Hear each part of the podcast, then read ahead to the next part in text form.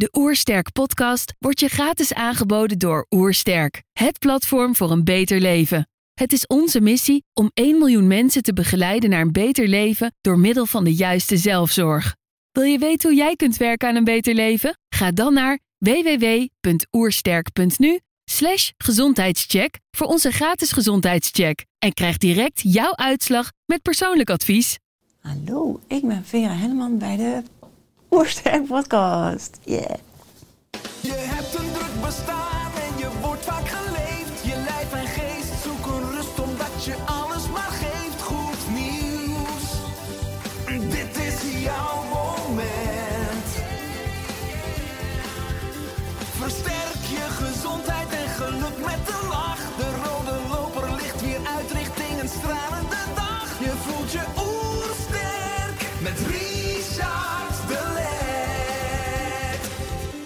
We zijn hier in Heemskerk voor een podcast met Vera Helleman. Vera is oprichter van het Emotie Expertise Centrum. Ook is ze coach, trainer en auteur van meerdere boeken. Ik ben benieuwd naar haar tips voor een beter leven. Trouwens, geniet je van onze podcast? Abonneer je dan en laat een reactie of review achter. Zo help je ons om het gezondheidsvirus te verspreiden. Let's start! De Oersterk Podcast. Een ontdekkingstocht naar een beter leven. Vera, welkom. Dankjewel. Ik lees op je website. Het is mijn levenslange fascinatie geweest te onderzoeken waarom mensen zeggen wat ze zeggen en doen wat ze doen. Omdat het zo onlogisch voorkwam. Van sinds ik me kan herinneren, zocht ik naar helderheid over menselijk gedrag en denken. Wat heb je op deze zoektocht gevonden? Wow. Eh, ontzettend veel. Ontzettend veel. Als je, dit, als je dit uitspreekt, dan zit ik gelijk in mijn herinnering op mijn kamertje in mijn ouderlijk huis. En dan keek ik naar buiten toe al, waar al die mensen met elkaar bezig waren. En ik hoorde niet wat ze zeiden. En dan zat ik al te kijken en te kijken en te kijken hoe dat allemaal dan ging. Zo, hè? En een van de eh, mafste dingen die ik daarin ehm, zag, was dat ze zichzelf zo in de weg zaten. En eh, naar de buitenwereld zich heel anders voordeden dan hoe ze zich voelden. En daar begreep ik helemaal geen snars van. Waarom is dat nodig? En waarom maken ze zichzelf ongelukkig met allerlei zelfdestructieve gedachten ten opzichte van een buitenwereld? Dus het was altijd ik ten opzichte van een buitenwereld waarvoor ze zich goed moesten voordoen of beter moesten voordoen, moesten eh, eh, bewijzen, bevestigen, bestendigen. Waarin ze eigenlijk ja, anders gingen spelen dan wat ze zijn. Nou, dat eigenlijk in een notendop. En dat vermogen had je als kind al, dus dat waarnemen. Ja, nou dat was, dat was ontstaan. Die uitspraak eh, komt vanuit een herinnering nog eerder eigenlijk, een jaar of drie, vier. Eh, ik denk mijn allereerste herinneringen, een van mijn vroegste herinneringen. Dat ik inderdaad eh, aan de hand van mijn moeder zo naar buiten liep. En ik nam de wereld voelend waar. Dus ik scande mijn moeder, die was oké, ik was oké. en alles in harmonie en we lopen naar buiten toe. En dan komen we de buurvrouw tegen. En eh, eh, ik scan de buurvrouw heel snel, ook oké.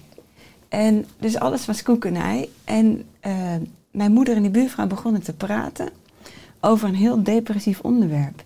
En zo van de een op het andere moment waren ze allebei niet meer oké. Voelend, hè? En dat was voor mij zo apart. Daarin was echt een kras op de plaat voor mij. Waarom gaan ze over zoiets, waardoor ze zich naar voelen, waarom doen ze dat terwijl ze oké waren? En ik denk dat dat mijn fascinatie heeft, eh, is begonnen daar. Mooi, ja, want als ik kijk naar jou als kind, je wilde al jong schrijven. Toen je acht jaar oud was, leerde je jezelf met tien vingers blind typen. Het was een sterke innerlijke drang. En daarover zeg je, ik typte altijd met ogen dicht om me goed te kunnen concentreren. Ja. Ik vertaal in mijn boeken informatie die ik inderdaad, wat je zegt, voelend waarneem. Ja. Hoe is dat? Ja, dat is denk ik een, eh, een vaardigheid die ik heb ontwikkeld. Eh, omdat ik alles voelend waarnam. Maar je leeft in een wereld waar alles gerationaliseerd moet worden, eh, verwoord moet worden. Dus het is een soort van training, oefening geweest. Hoe kan ik dat wat ik voel nou omzetten in woorden? En dus op het moment dat ik met mensen praat of lezingen geef en ja, er zit een soort van schakel tussen het voelen en het, en het verwoorden. Op het moment dat er een woord in me opkomt, of een woord uitkomt wat niet helemaal klopt, dan voel ik ook direct, "Eh, het is niet het juiste woord. En daar kan ik niet overheen stappen. Dus het, alles wat ge- geverbaliseerd wordt, moet echt kloppen bij zoals het voelt. En eh, ja, het is een bepaalde concentratie. Dus inderdaad, ogen dicht, eh, vingers op de... Ja, er zit dan zo'n zo'n bobbeltje op, de, op die paar letters. Hè? dus die liggen goed. En dan die woorden. Voelen en dan vertalen. Zo ging het. En dan luisterde ik ook toe. En ik las ook zelf naar wat ik schreef. Dat was wel maf. Ook als ik praat. Oh, zit het zo? Mhm. Wat interessant.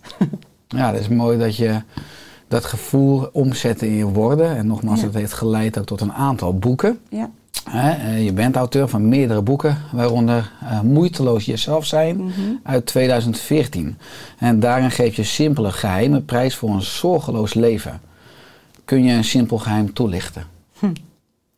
Eén simpel geheim is, eh, waar we het net al over hadden, ontdekken. Hoe je de hele dag bezig bent om een ikje eh, te verdedigen, te bestendigen, te waarborgen, te, te vormen. Ehm, en de vraag is of jij dat wel zelf bent. Want het begint al met het vormen van een ikje. Is het een idee over wie je zelf bent? En op het moment dat je door gaat krijgen, hé, hey, ik ben de hele dag dat idee over mezelf aan het verdedigen, bestendigen. Hè? Ehm, dat mechanisme, dan ga je merken op het moment dat je het mechanisme doet, het is echt een doen, dat er bij heel veel mensen een hiaat zit tussen dat, eh, het idee van wie ze zijn en hoe ze zich daadwerkelijk voelen. En dat, dat wie, wie ze daadwerkelijk voelen, of hoe het van binnen wil stromen, zijn heel veel uit het oog verloren. En die zijn een soort van mentaal dat ik-ideetje aan het leven. Ik heb het idee dat, dat ik het nu heel ingewikkeld vertel. Ik hoop dat Mhm. het te volgen is. Nee, zeker. Dus er Ja. zit een hiaat tussen eigenlijk het, het voelen zonder dat je echt weet wat het betekent of, of waar het vandaan komt. En het eh, ja, ikje nastreven. Ja, maar als je het hebt over dat ikje, Mhm. eh, om te vinden wie of wat we werkelijk zijn, moeten we meerdere lagen van onszelf onderzoeken. Mhm. En hoe kunnen we nou van ego naar de ziel bewegen? Dus, of hoe je het ook Ja. noemt, mijn, mijn mechanisme tot rust brengen. Is dat ikje. mijn mechanisme. Dat is het één doorzien. En eh, daarin ook zien ehm, eh, dat hij dus niet altijd klopt. Dat vraagt natuurlijk één bewustzijn, wakker worden voor dit mechanisme. En twee, ook wakker worden voor een bepaalde voelende stroom die van ons uitgaat.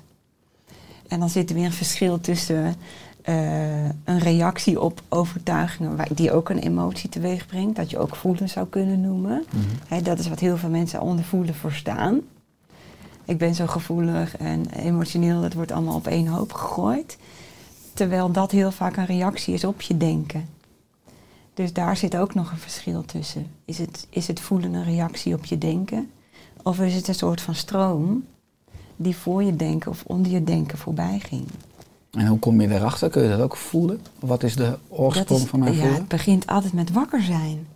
Dus op het moment dat je... eh, eh, misschien heb je wel eens eh, gemerkt dat het, het, het echte zuivere voelen een soort van fluistering is. En een emotie als een gevolg van een overtuiging die schreeuwt echt. Daar zit echt zo'n piek in, zeg maar, zo'n rauwe. En daar luisteren we dan naar, want je kan niet anders, want die piekt. Terwijl dat fluisteren, daar zien we altijd over het hoofd. En het is zo subtiel, dus het vraagt je, vraagt je wakker te zijn. Dus je kan niet eh, jezelf verbeteren of dat soort dingen over het hoofd doen zonder eerst wakker te worden. Ja, dat is een soort van basis eh, stap. Mhm. Onderzoek, wakker worden, bewust worden van verschillende dingen in jezelf. Nou, als je het hebt over die verschillende dingen in jezelf. In het boek beschrijf je ook vier relaties. Mhm. De relatie tot jezelf, de relatie tot de ander, Mhm. de relatie tot je fysieke lichaam en het manifest. En als laatste de relatie tot je dienstbaarheid aan het veld van eenheid. Kun je deze vier relaties kort toelichten? Ja. Ehm, dit zijn ook een soort van fases in de ontwikkeling. Ehm, voor de meest. En ook lagen van onszelf. Ik probeer het even uit elkaar te splitsen hoor, want, want anders is het heel veel in drie minuten. Eh, Mensen kunnen het stopzetten, terugspoelen. Oh, stopzetten, terugspoelen. Nee, maar ga je gang. Ehm, kijk, als ik verschillende lagen van onszelf bekijk, dan zou je grofweg kunnen zeggen eh, drie lagen. Waarin zeg maar het, het persoonlijkheidslaagje eh, ehm, verstrengeld is met het fysieke en het denken. En de persoonlijkheid. Daar bevindt zich ook het idee van ik. Hè? Gedachten, emoties, lichaam. eh, en alles wat daarbij hoort. Als we nog een laagje verder gaan kijken, dan. eh, dit is ook. De bovenste laagje, zeg maar, is ook het laagje waarin mensen in deze tijd- en vormlaag zitten. Dimensie zitten, hoe je het maar noemt. Hè? Dus we hebben verleden, heden, toekomst, vorm, een menselijk lichaam, gedachten, emoties. Eh, maar een andere laag is nou, wat mensen dan ziel noemen. Ziellaag. En dat gaat voorbij tijd, voorbij ruimte, voorbij het fysieke. Maar het is wel verbonden met elkaar. En als we nog verder gaan kijken, eh, eh, dan zou je kunnen zeggen, daar zit een laag van het grote bewustzijn, waar er zelfs geen onderscheid meer zit tussen jou en mij en eigenlijk het één grote Het collectieve veld. ja. Ehm, ongeveer. dus je hebt die lagen. En eh, je noemde relatie tot je fysieke lichaam, relatie tot jezelf, je, Tot de ander. en, eh, En de relatie tot je dienstbereid aan het veld van eenheid. Precies. Dus je merkt op het moment dat mensen, eh, mensen gaan eh, begrijpen, goh, weet je, ik moet wat doen om gezonder te worden en gelukkiger te worden, laat ik eens naar binnen kijken. Dan gaan ze eerst die bovenste laag onderzoeken. En of wat wil ik voor beroepskeuze doen, of waar ben ik goed in, of dat zit allemaal in die bovenste laag. En eh, dus die relatie tot jezelf, maar ook de relatie tot wie ben ik werkelijk, dus een dieper laagje, of nog dieper laagje, wie ben ik zelf, dat. Dan heb je de relatie tot de ander. Wat je meestal merkt op persoonlijkheid, die, kun je ook vanuit al die drie lagen aangaan. Hè? Dus de relatie tot de ander.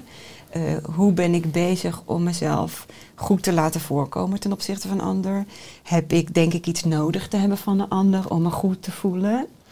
Hè, dus dat is heel erg om dat ikje gebouwd. Een laag dieper, de relatie met een ander, gaat veel meer over hoe resoneren we eigenlijk samen. Stel dat ik niet bedenk wat die ander voor mij zou kunnen doen, of wat ik voor die ander zou kunnen doen, of what's in it for me. Maar je gaat puur kijken hoe is de resonantie. Dan gaat het eigenlijk voorbij het denken. Dan kom je op een voelende laag. Dat wordt superleuk, want daar begint het feest eigenlijk.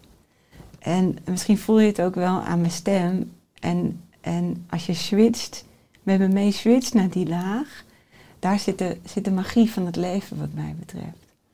Daarin gaat het niet meer over, oh het ziet iemand er leuk uit of hè, dat. Maar ehm, dan maakt het ook niet meer uit of je elkaar kent. Maar dan voel je, hé, hey, die spreekt me aan. Waarom? Geen idee. Maar zo voelt het. En als je dan met elkaar in een gesprek gaat, dan merk je dat er een soort van tentakels over en weer gaan. Om te kijken, hoe kunnen we spelen met elkaar? Nou, dat is echt een enorme duik in een nieuw soort leven.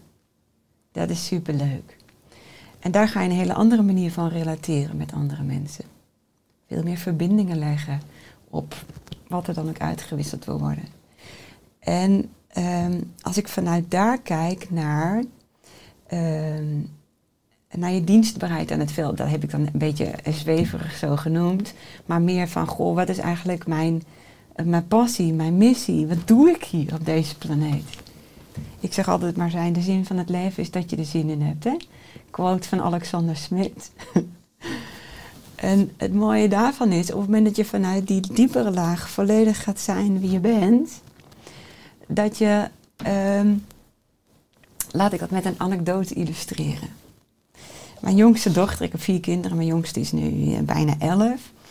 En toen ze anderhalf jaar oud was, dat was een kind die was zo gecentreerd in zichzelf en zo eh, liefdevol. En, en eh, iedereen was ook helemaal weg van haar, want het was zo'n innemend kind.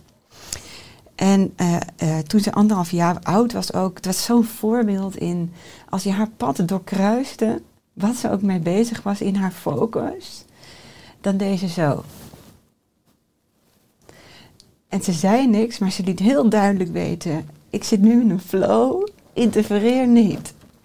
En zo oprecht en duidelijk dat je ook zoiets had van, oh sorry.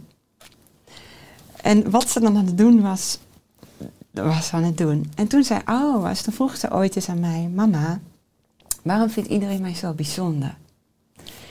En eh, toen noemde ik wat op dit, op dit, op dit, op, noemde ik bij haar. En toen, zei keek ze me echt aan van, waar heb je het over? Zeg, maar dat, dat heeft toch iedereen? En het interessante van, eh, eh, van het ontdekken waarvoor je bent in het leven, is dat je gaat ontdekken, hé, hey, dat is iets wat ik altijd al deed, maar wat ik nooit, nooit door had dat het bijzonder was, omdat het gewoon was als mezelf. En dan komen ze in een fase van, ja, maar daar kan ik toch geen geld voor vragen, want ja, hè, dat. Dus je gaat merken dat daar waar jij het allerbeste in bent, is iets wat je doet puur omdat het is wie je bent. En dat, dat precies hetzelfde, dat doe je terwijl je de afwas doet in de keuken. Dat doe je eh, op het moment dat je in een bedrijf werkt of in een vriendengroep. Iedere keer heb jij zo'n functie. En op het moment dat je daar volledig eh, uiting aan geeft, dan kom je eigenlijk weer in de bovenste laag van het fysieke. Waarin wij dus het in de fysieke vorm gaan gieten wie we zijn. Dus ik roep altijd, je roeping is eigenlijk een vorm, een vorm geven aan wie je bent. En dat is wat ik bedoel met uh, uh, je relatie tot jouw dienstbereid aan, ja, in de soep waar wij met z'n allen zitten. Dat is één deel. Dan heb je natuurlijk nog de relatie met je lichaam. De oersterk gaat daar vaak over. Hè? En uh, ook dat is natuurlijk super belangrijk, want dat is het huis waarin je hier in die verschillende lagen met elkaar verbindt. En uh, nou ja, we hebben gedachten, lichaam, emoties, die werken allemaal met elkaar samen. Dus we kunnen niet alleen maar voor het lichaam zorgen, terwijl we fysiek en emotioneel en zelfs geen verbinding hebben met de diepere laag van onszelf. Andersom, mij inziens, wanneer je mentaal gezond bent, emotioneel gezond bent en een goede verbinding houdt met dat, ben je automatisch ook in je lichaam veel gezonder. Dus ja, al die vier dingen, die willen gewoon in afstemming komen. En een soort van uitgezuiverd worden. Mhm. Waar we weer bewustzijn voor nodig hebben. Nou, dat is een hele mond vol. Ja, mooi. weer veel. Mooi, maar als je het hebt over, is het ook de ontwikkeling van een zeg maar, lagere trilling, vibratie naar een hogere vibratie? Ja, met die kanttekening. eh, dat alleen maar in hele hoge vibraties, dat kan niet, want je lichaam, weet je, je moet ook daar verbonden blijven. Als je alleen maar op een wolk gaat zitten omen, dan ben je ook niet hier. Ik had het toevallig gisteren met een vriendin nog over. Weet je, als je zeg maar een soort van het licht ziet, dan, dan, dan, eh, dan is dat een soort van het idee wat je hebt. Maar vroeg of laat moet je ook weer gewoon het leven in en gaan ontdekken. Mhm. Weet je, het leven is gewoon het mooiste stukje van de hemel. En hier is de fun. En eh, dat is ook gewoon hartstikke aard. En niet alleen maar zweven op een wolk, dan heb je het nog niet begrepen. Mhm. En juist het leven weer ontdekken als, weet je, je hebt daar die ene zijde van eenheid en de andere zijde is dualiteit en die wordt een soort van verafschuwd. Maar het leven om ons heen is een duale vorm. En dat is juist de fun van het leven.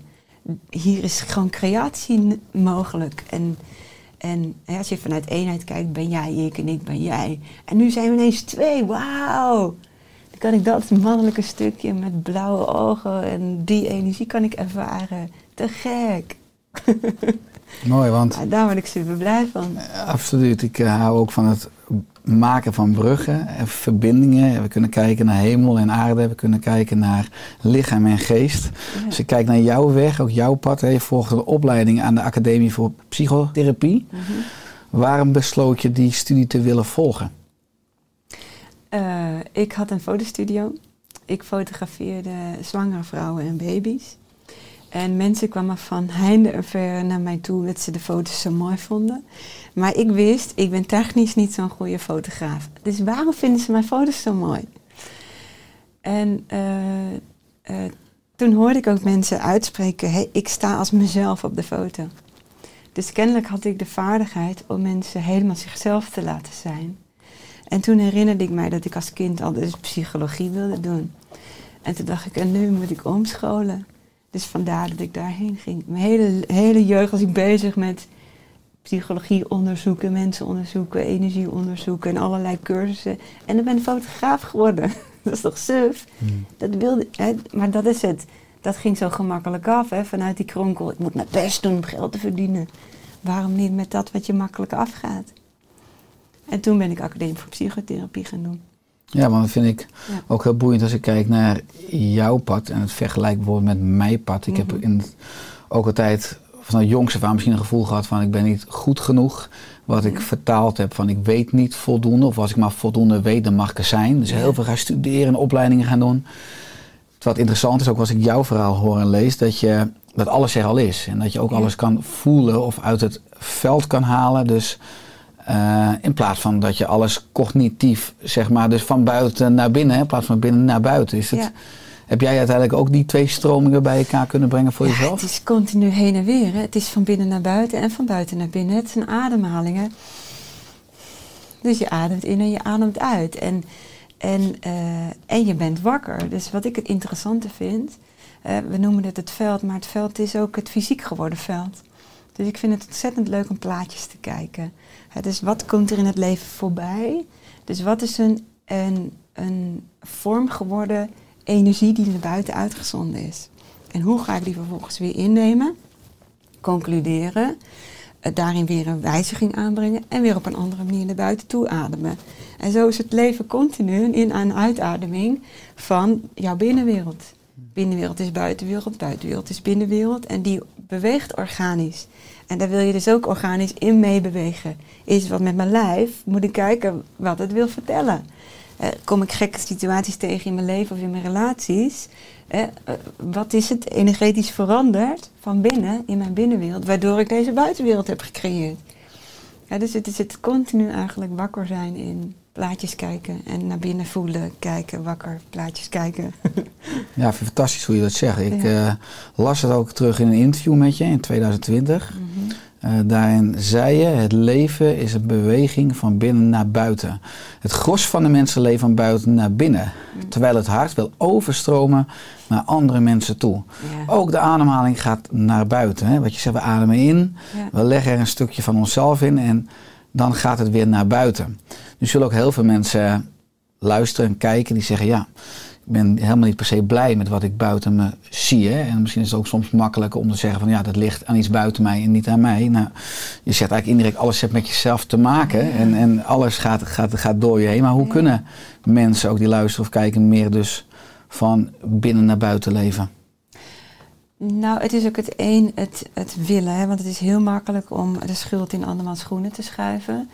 En, eh, maar dat is een gebed zonder eind als je daar iets van gekregen wil hebben of voor elkaar wil krijgen. Dus het is ook een soort van eigen belang, laat ik het zo maar even. Dat is dan, die- ik hou even een borst voor.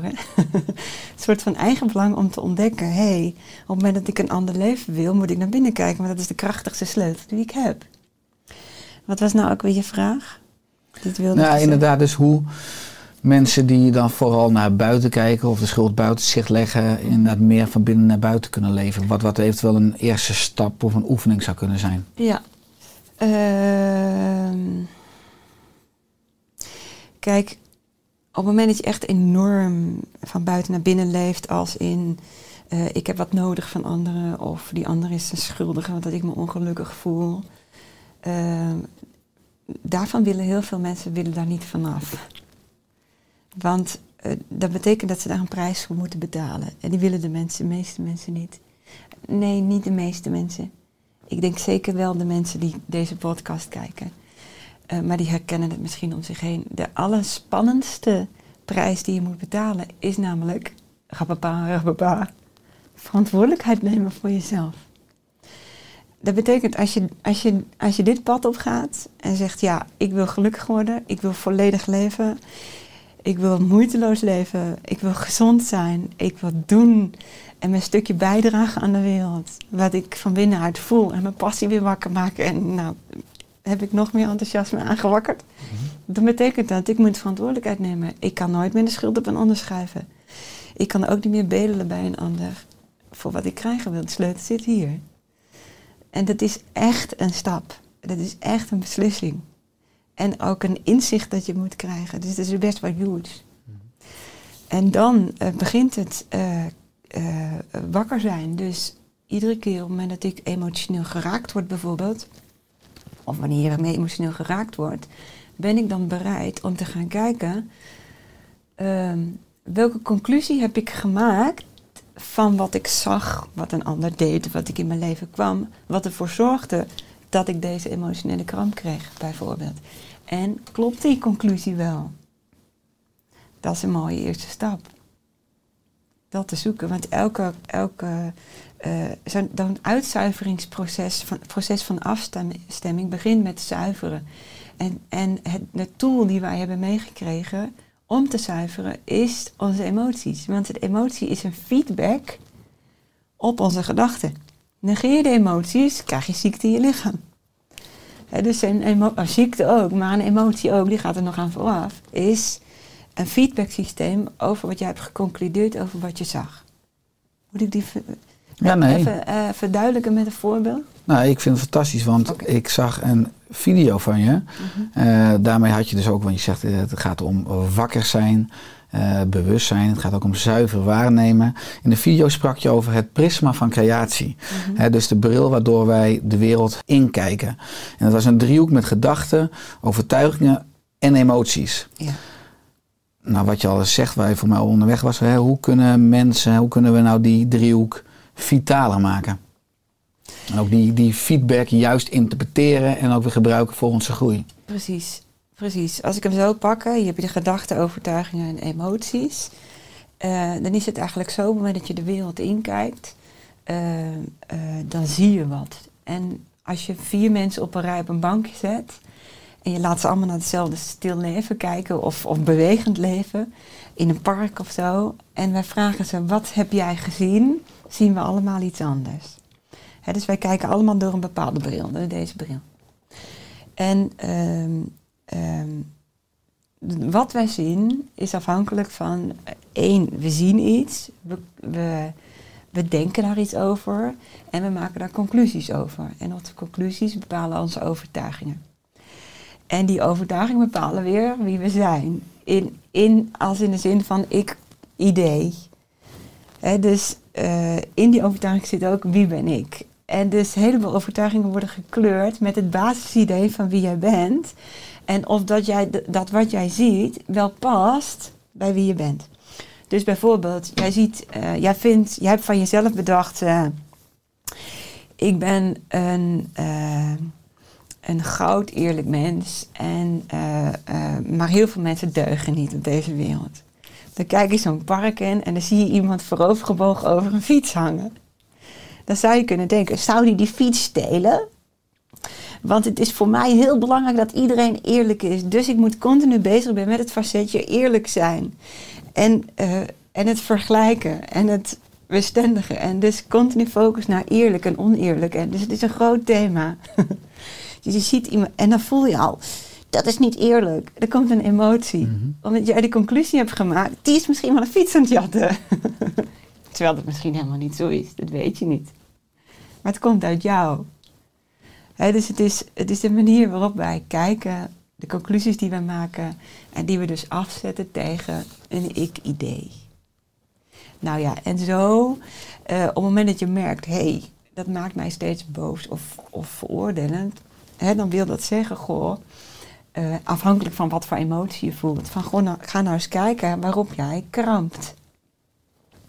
En is, ben je niet te veel gespitst op alles moet eerlijk. Want als alles eerlijk moet, kan je bijna niet meer leven in deze wereld. Want iedereen heeft een eigen agenda. En wat is nou eerlijk en wat is nou niet eerlijk? Ik noem maar wat, hè. Dus het kan het zijn dat je daar iets in genuanceerder moet worden. Gewoon omdat je dan meer ontspannen kan leven. dus zo wordt het vitaal. Iedere keer wanneer er een kramp is, of juist iets wat je heel blij maakt, hè van stel, ik, ik loop het park rond en ik zie iemand een huppeltje maken.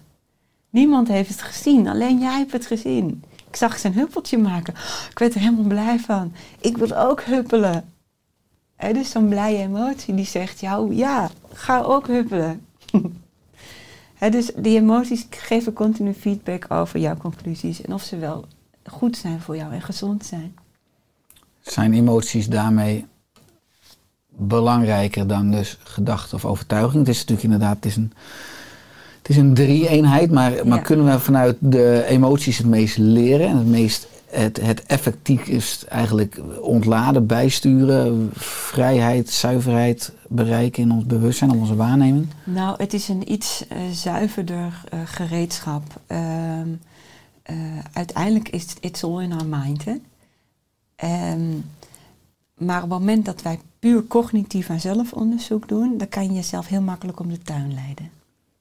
Want er zitten allerlei, eh, juist om dat ik-mechanisme, ehm, wij kunnen het gewoon recht praten wat krom is en krom praten wat recht is. En wat je ook merkt bij mensen is de allereerste gedachten, die springen ze vaak voorbij. Die hebben ze niet eens door, omdat ze daarna alweer doorassociëren. Zeker als het een emotionele feedback krijgt, want dan duiken ze erin en dan maken ze het groot, groot, groot. En dan gaan ze daar nog eens over nadenken. Dus dan eigenlijk ben je al veel te laat. Terwijl een emotie eigenlijk, eh, die, een emotie is eigenlijk de brug tussen je hoofd en je hart. Dus die geeft direct, wanneer er een rimpeltje zit en je bent uit verbinding, geeft het direct eigenlijk een signaal. Maar op basis van die emotie willen we wel naar onze gedachten kijken. Wat heb ik geconcludeerd? Dus we willen samenwerken met elkaar. Ik zie altijd gedachten, emoties, maar ook lichaam. Het zijn gereedschappen. Wij zijn niet prooi van emoties of prooi van gedachten of prooi van een lichaam dat het wel of niet doet of te dik of te dun of niet mooi genoeg is. Het zijn onze gereedschappen. Dus er moet iemand zijn die ze bestuurt. Want ze zijn eigenlijk alle drie even belangrijk. Maar het een is meer geschikt hiervoor en het ander is meer geschikt daarvoor. Het lichaam is geschikt om iets te maken, te doen. Hè, emoties kunnen je daarin sturen. Eh, gedachten kunnen weer heel goed focussen. Die ook belangrijk is om te manifesteren. Creëren, hoe je het maar wil noemen. Het is allemaal belangrijk. En wat is in deze context de rol van non-dualiteit? Ehm, ehm, wat belangrijk is als je eh, de emoties bekijkt, is, ik noem het al, het is een brugfunctie tussen het hoofd en het hart. Oftewel het eh, fysieke persoonlijke leven hier in tijdvorm. En het stuk eh, ziellaag, eh, wat voorbij tijd en vorm gaat. Dus eigenlijk veel meer het non-duale laagje. En die willen eigenlijk afgestemd worden op elkaar. Dus omdat je op deze manier die emoties bekijkt, verbind je continu het duale met het non-verbale en breng je ze op één lijn.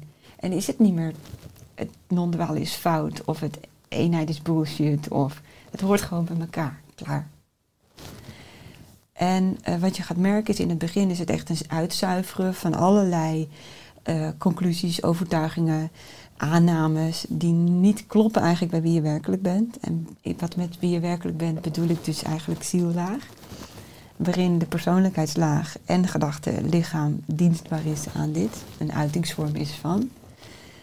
En eh, dus in het begin is het heel veel, veel eh, eh, uitzuiveren van overtuigingen. Die overigens liquid zijn, die mee willen bewegen. Maar op een gegeven moment maak je ook geen onderscheid meer tussen emoties en gevoel. En dan eh, merk je dat je ook heel goed op je gevoelsnavigatie kunt leven. Zonder precies te weten vooraf of een gedachte of een overtuiging eraf, die eraan vooraf ging. Dus dan ga je veel intuïtiever leven en erop vertrouwen. En dan je hoofd puur gebruiken als functioneel gereedschap om tot manifestatie te komen. Mhm. Terwijl voor heel veel mensen is het denkgereedschap nog een manier om een ikje te maken, ikje te bevechten, te bestendigen.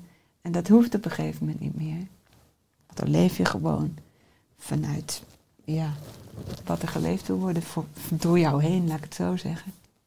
Gaat het niet meer per se om jou. Ja, boeiend was je het hebben over gedachten, emoties, gevoel. Gedachten zijn natuurlijk de, de taal van het brein of van het hoofd. Eh, emoties zijn veel meer de taal van het lichaam. Dan heb je ook gevoel in hoeverre gevoel en emoties zijn beide op speelveld van je lichaam. En hoe kan je dat onderscheid eh, zuiver gewaar worden? Ja, dat vragen heel veel mensen. Ik zou daar niet te ingewikkeld over doen. Je zou het zo kunnen zeggen, we hebben dus een denkgereedschap, denklaag. We hebben een voelgereedschap, voellaag. En een fysiek gereedschap, hè, fysieke laag. En eh, in dat voelend gereedschap, eh, daar zitten zowel emoties als, als, in, als voelen, als intuïtie. Die heb je trouwens, trouwens ook in je lichaam en je, en je geest. Hè. Dus eh, ik maak puur het onderscheid. Een emotie is een feedback op een gedachte. En een gevoel, daar ging geen gedachte aan vooraf. Maar wat mij betreft mogen ze op één hoop. eh, wanneer ze vanuit de emotiecoachmethode bekijkt. Omdat ze allemaal op die manier geïnterpreteerd worden. Zodat ze de brug tussen hoofd en hart maken. Als we bijvoorbeeld kijken bij emoties als blijdschap of afkeer eh, gaat het veel meer over het direct voelen. Ging er helemaal geen gedachte aan vooraf. Terwijl bij angst, schuld, schaamte, boosheid, daar gaat vaak wel gedachten vooraf. Dus ik maak niet echt onderscheid tussen, tussen eh, emotie en, en gevoel. Het is de voellaag. En als je die kunt voelen en wakker bent voor gedachten, dan heb je voldoende gereedschap. Een mooi waardevolle toevoeging. Want in 2017 schreef je de emotie-encyclopedie met 350 emoties. En op de achterkant van het boek staat dat je voel-expert bent. Hè? Mhm. Hoe kunnen we? Ik luister zelf ook aandachtig, want ik heb ook soms het overlevingsmechanisme om mijn hoofd in te schieten. Maar hoe kunnen we beter voelen en blijven voelen? Eh, het mag een soort van hobby worden. Op het moment dat je gaat merken namelijk dat je gevoel dus hele belangrijke informatie geeft, dan is dat net, zoveel waar, net zo waardevol gereedschap als je denken. Want daar komt ook gewoon, eh, zeg maar, de mensen die graag denken, wat heel veel mensen zijn in de westerse wereld, die denken daar bepaalde informatie te krijgen. En dat is zo. Eh, maar daar kan je veel minder informatie verwerken als op de voellaag. Dus je dat gaat inzien en dat het ook een belangrijke informatiebron is, dan is voor de mensen die de hobby hebben om informatie te vergaren, het voelen dus net zo belangrijk. Dus het mag, het mag ook je hobby gaan worden en je interesse gaan worden. Hé, hey, daar kan ik dus informatie in halen. Dus ik ga iedere keer met een spelletje spelen met mezelf. Ik ga continu kijken, eh, die gedachten mogen, die mogen blijven, want die zijn helemaal oké en, en waardevol. Maar ik ga het voelen eraan toevoegen.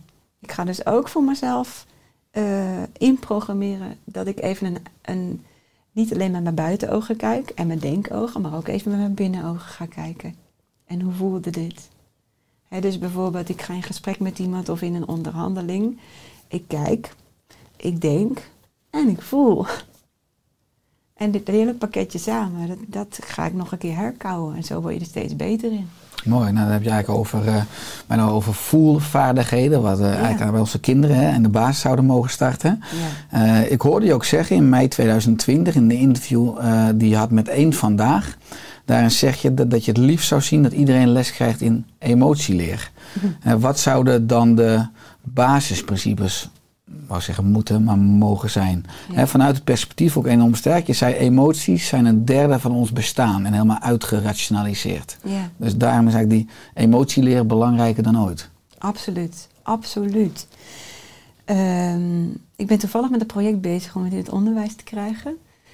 Ehm, mijn idee daarover is één, begrijpen wat emoties zijn en waarom ze belangrijk zijn.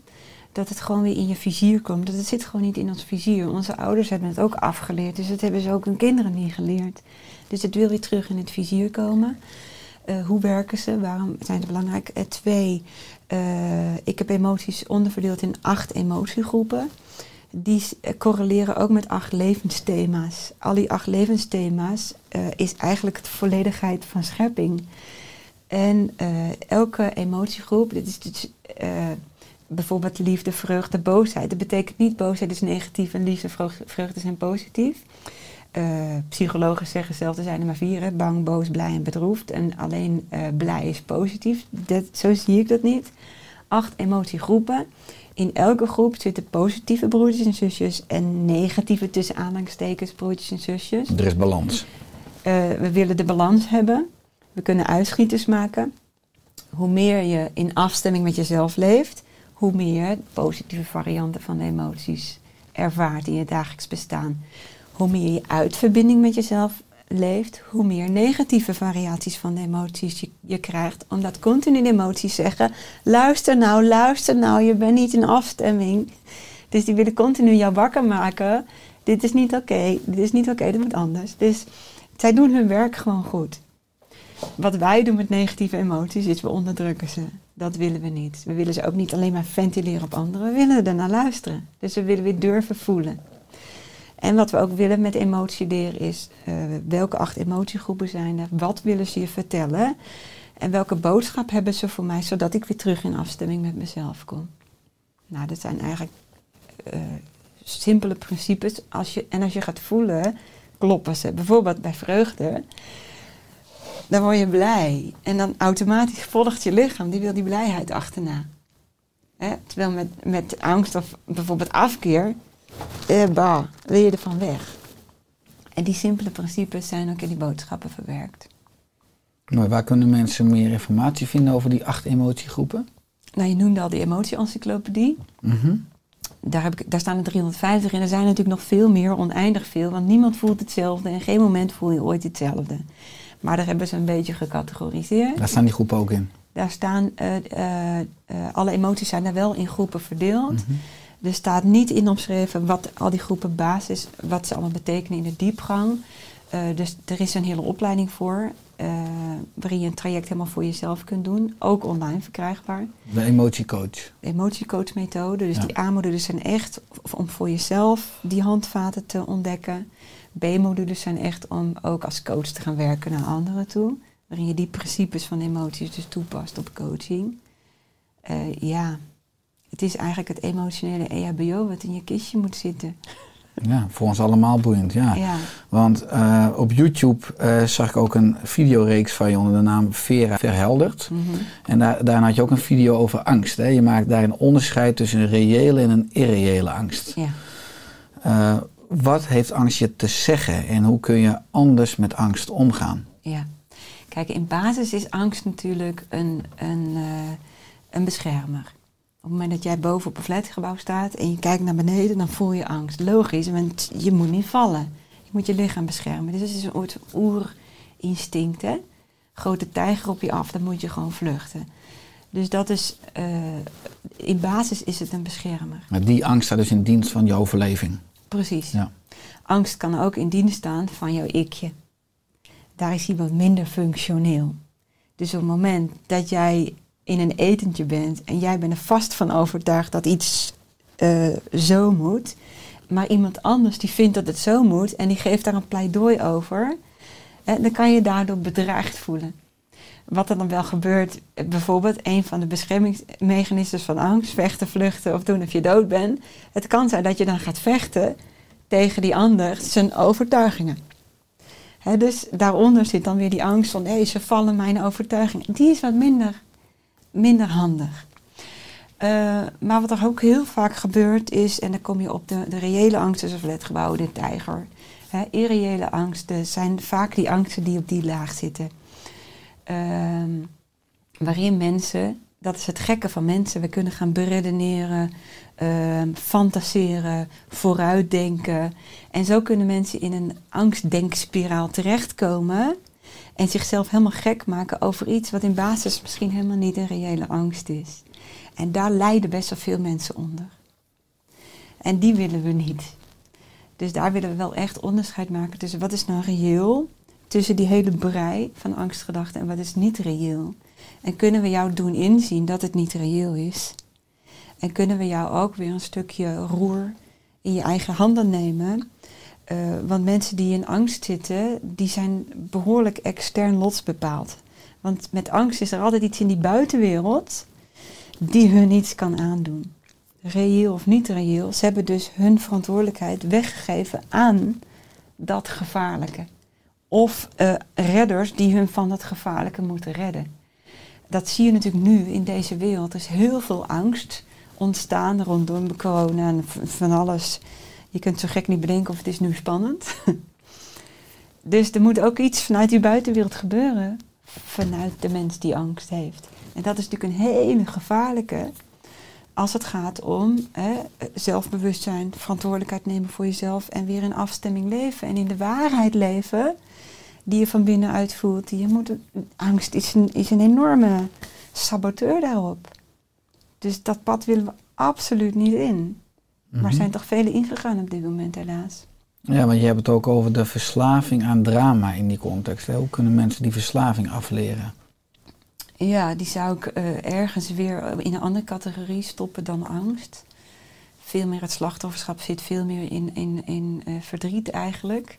Omdat, en die is bij veel mensen ontstaan. ehm, het, drama, weer iets anders dan slachtofferschap overigens. Hè. Drama is een soort van verslaving omdat... ehm, kijk maar naar een feestje. Wat is het gesprek op zo'n feest? Weet je... eh, ehm,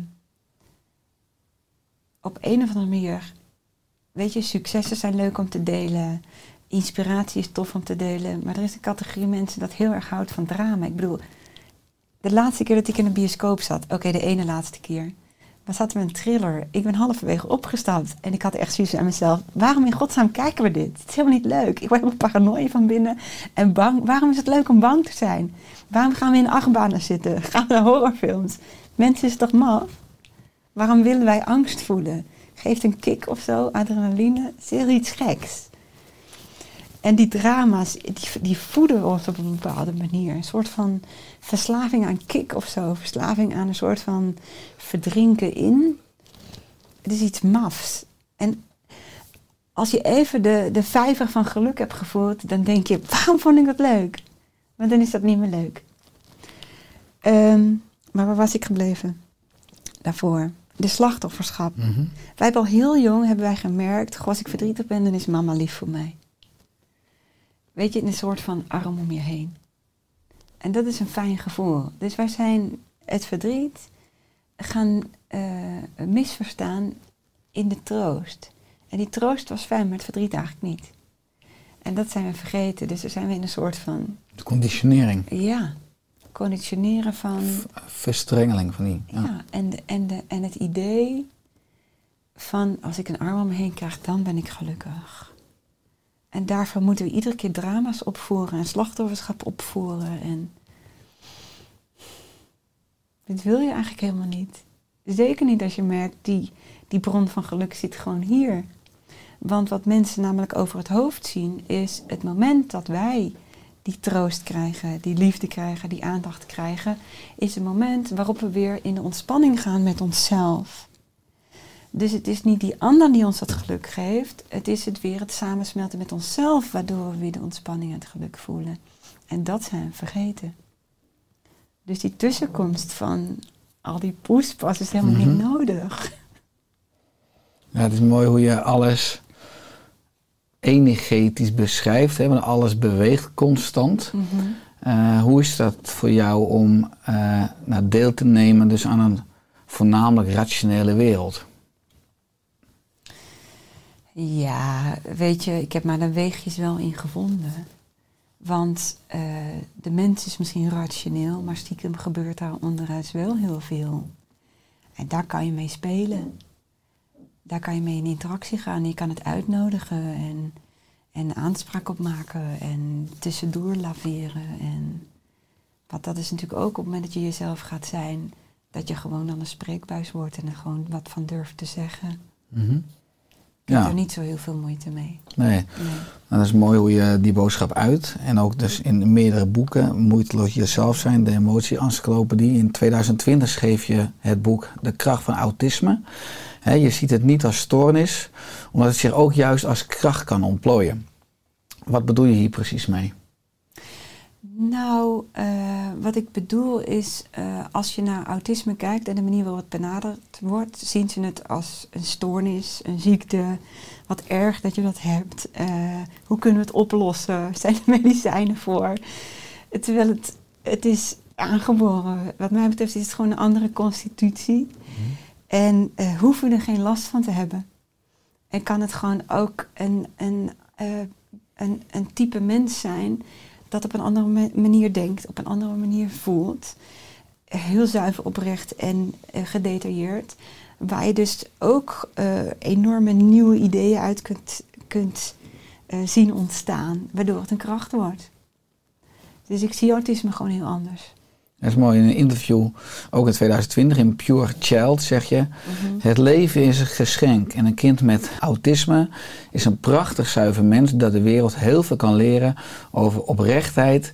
en effectief gebruik van je menselijke gereedschappen. Problemen ontstaan pas wanneer aanpassing nodig is in de buitenwereld... en een autistisch kind geen concessies kan doen aan de eigen, zo gevoelige natuur. Ja.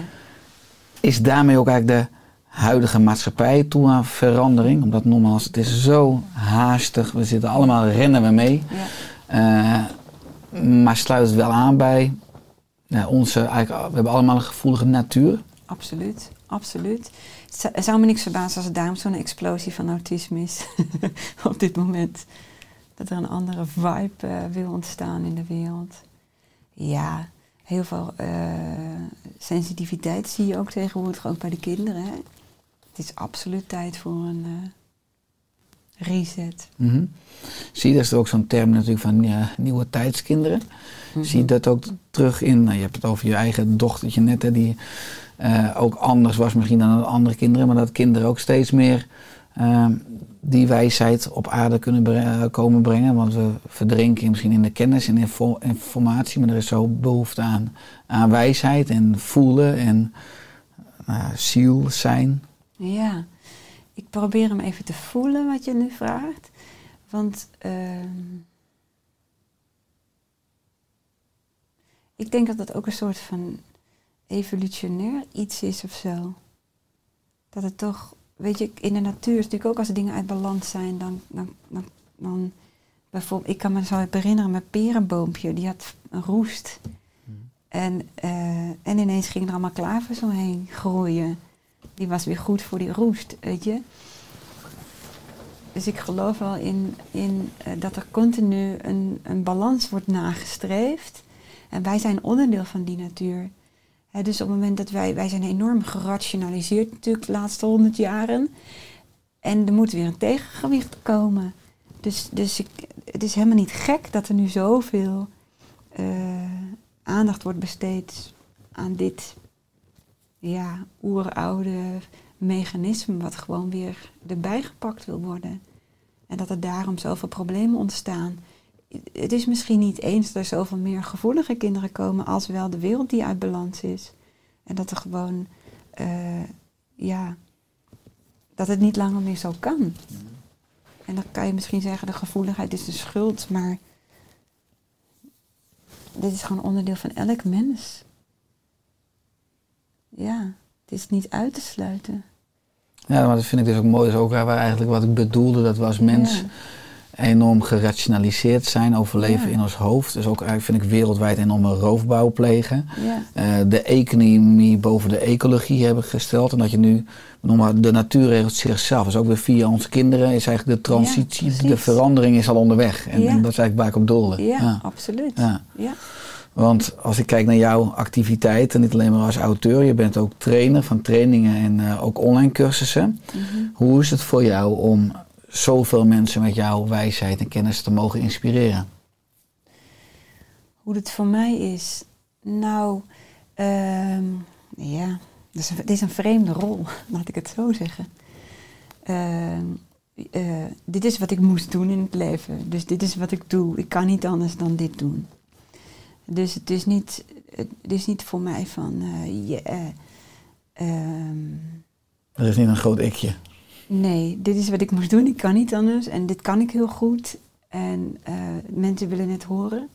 Dat is interactie. Ik word heel blij als ik mensen zie snappen. En dat ik dan die, die glans in hun ogen zie. En de energie die weer gaat stromen. En dat zijn mijn pareltjes.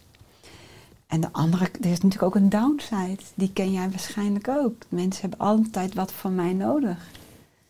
En eh, op het moment dat ik aansta, dan staat mijn hart zo wagenwijd open dat ik niet het verschil kan zien tussen. Eh, die mensen eh, moet je niet in je keukentafel uitnodigen, want dat is niet altijd goed voor mij. Die parasiteren. Maar in ieder geval, Ja, ik- net als je het, dat ken ik ook, dan eh, je helpt de hele wereld, maar je blijft zelf moe achter. Ja, en dat is, dus, je, dus ik moet ook heel zuiver leven. Heel goed aan mezelf denken. Dus deze, deze vakantie bijvoorbeeld heb ik echt twee maanden de stekker eruit getrokken. En ik was beschikbaar voor niemand meer dan alleen mijn kinderen en mijn man. En mijn paardjes en zo. En verder, eh, nee. Heb je dan ook in die vakantie ook bepaalde inzichten of een nieuw perspectief van voelen dat je oké, dat ga ik als ik straks weer start, dat ga ik dan even anders doen of dat ga ik bijsturen of was het oude patroon, het oude ritme prima? Ja, mijn leven was al wel redelijk eh, afgestemd. Eh, en maar het is con- afstemmen is een werkwoord. Hè? het is niet, balans is ook een werkwoord. Het is niet, balans kun je niet bereiken. Je moet continu balanceren. Je moet continu afstemmen. Dus eh, ik ontwikkel, mijn werkzaamheden ontwikkelen. Dus ik moet ook blijven balanceren. En eh, door corona heb ik heel hard gewerkt. Had ik die twee maanden nodig.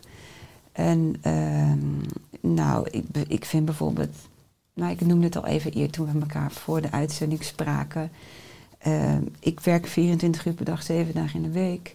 Eh, maar ik, ik heb ook ontspanning 7 dagen in de week, 24 uur per dag. Want ik sta op en ik ga lekker naar mijn paardjes. En dan kruip ik achter de computer en dan doe ik weer wat. En dan zit ik, ga ik lekker met mijn kinderen dan gaan afschilderen. En dan krijg ik weer ideeën die dan in vorm gegoten moeten worden. En nou, vanavond moet ik dus een, eh, een webinar geven en, en ik krijg vanochtend om half zeven pas inspiratie. En voor die tijd weet ik, weet je, het komt altijd op het juiste manier goed.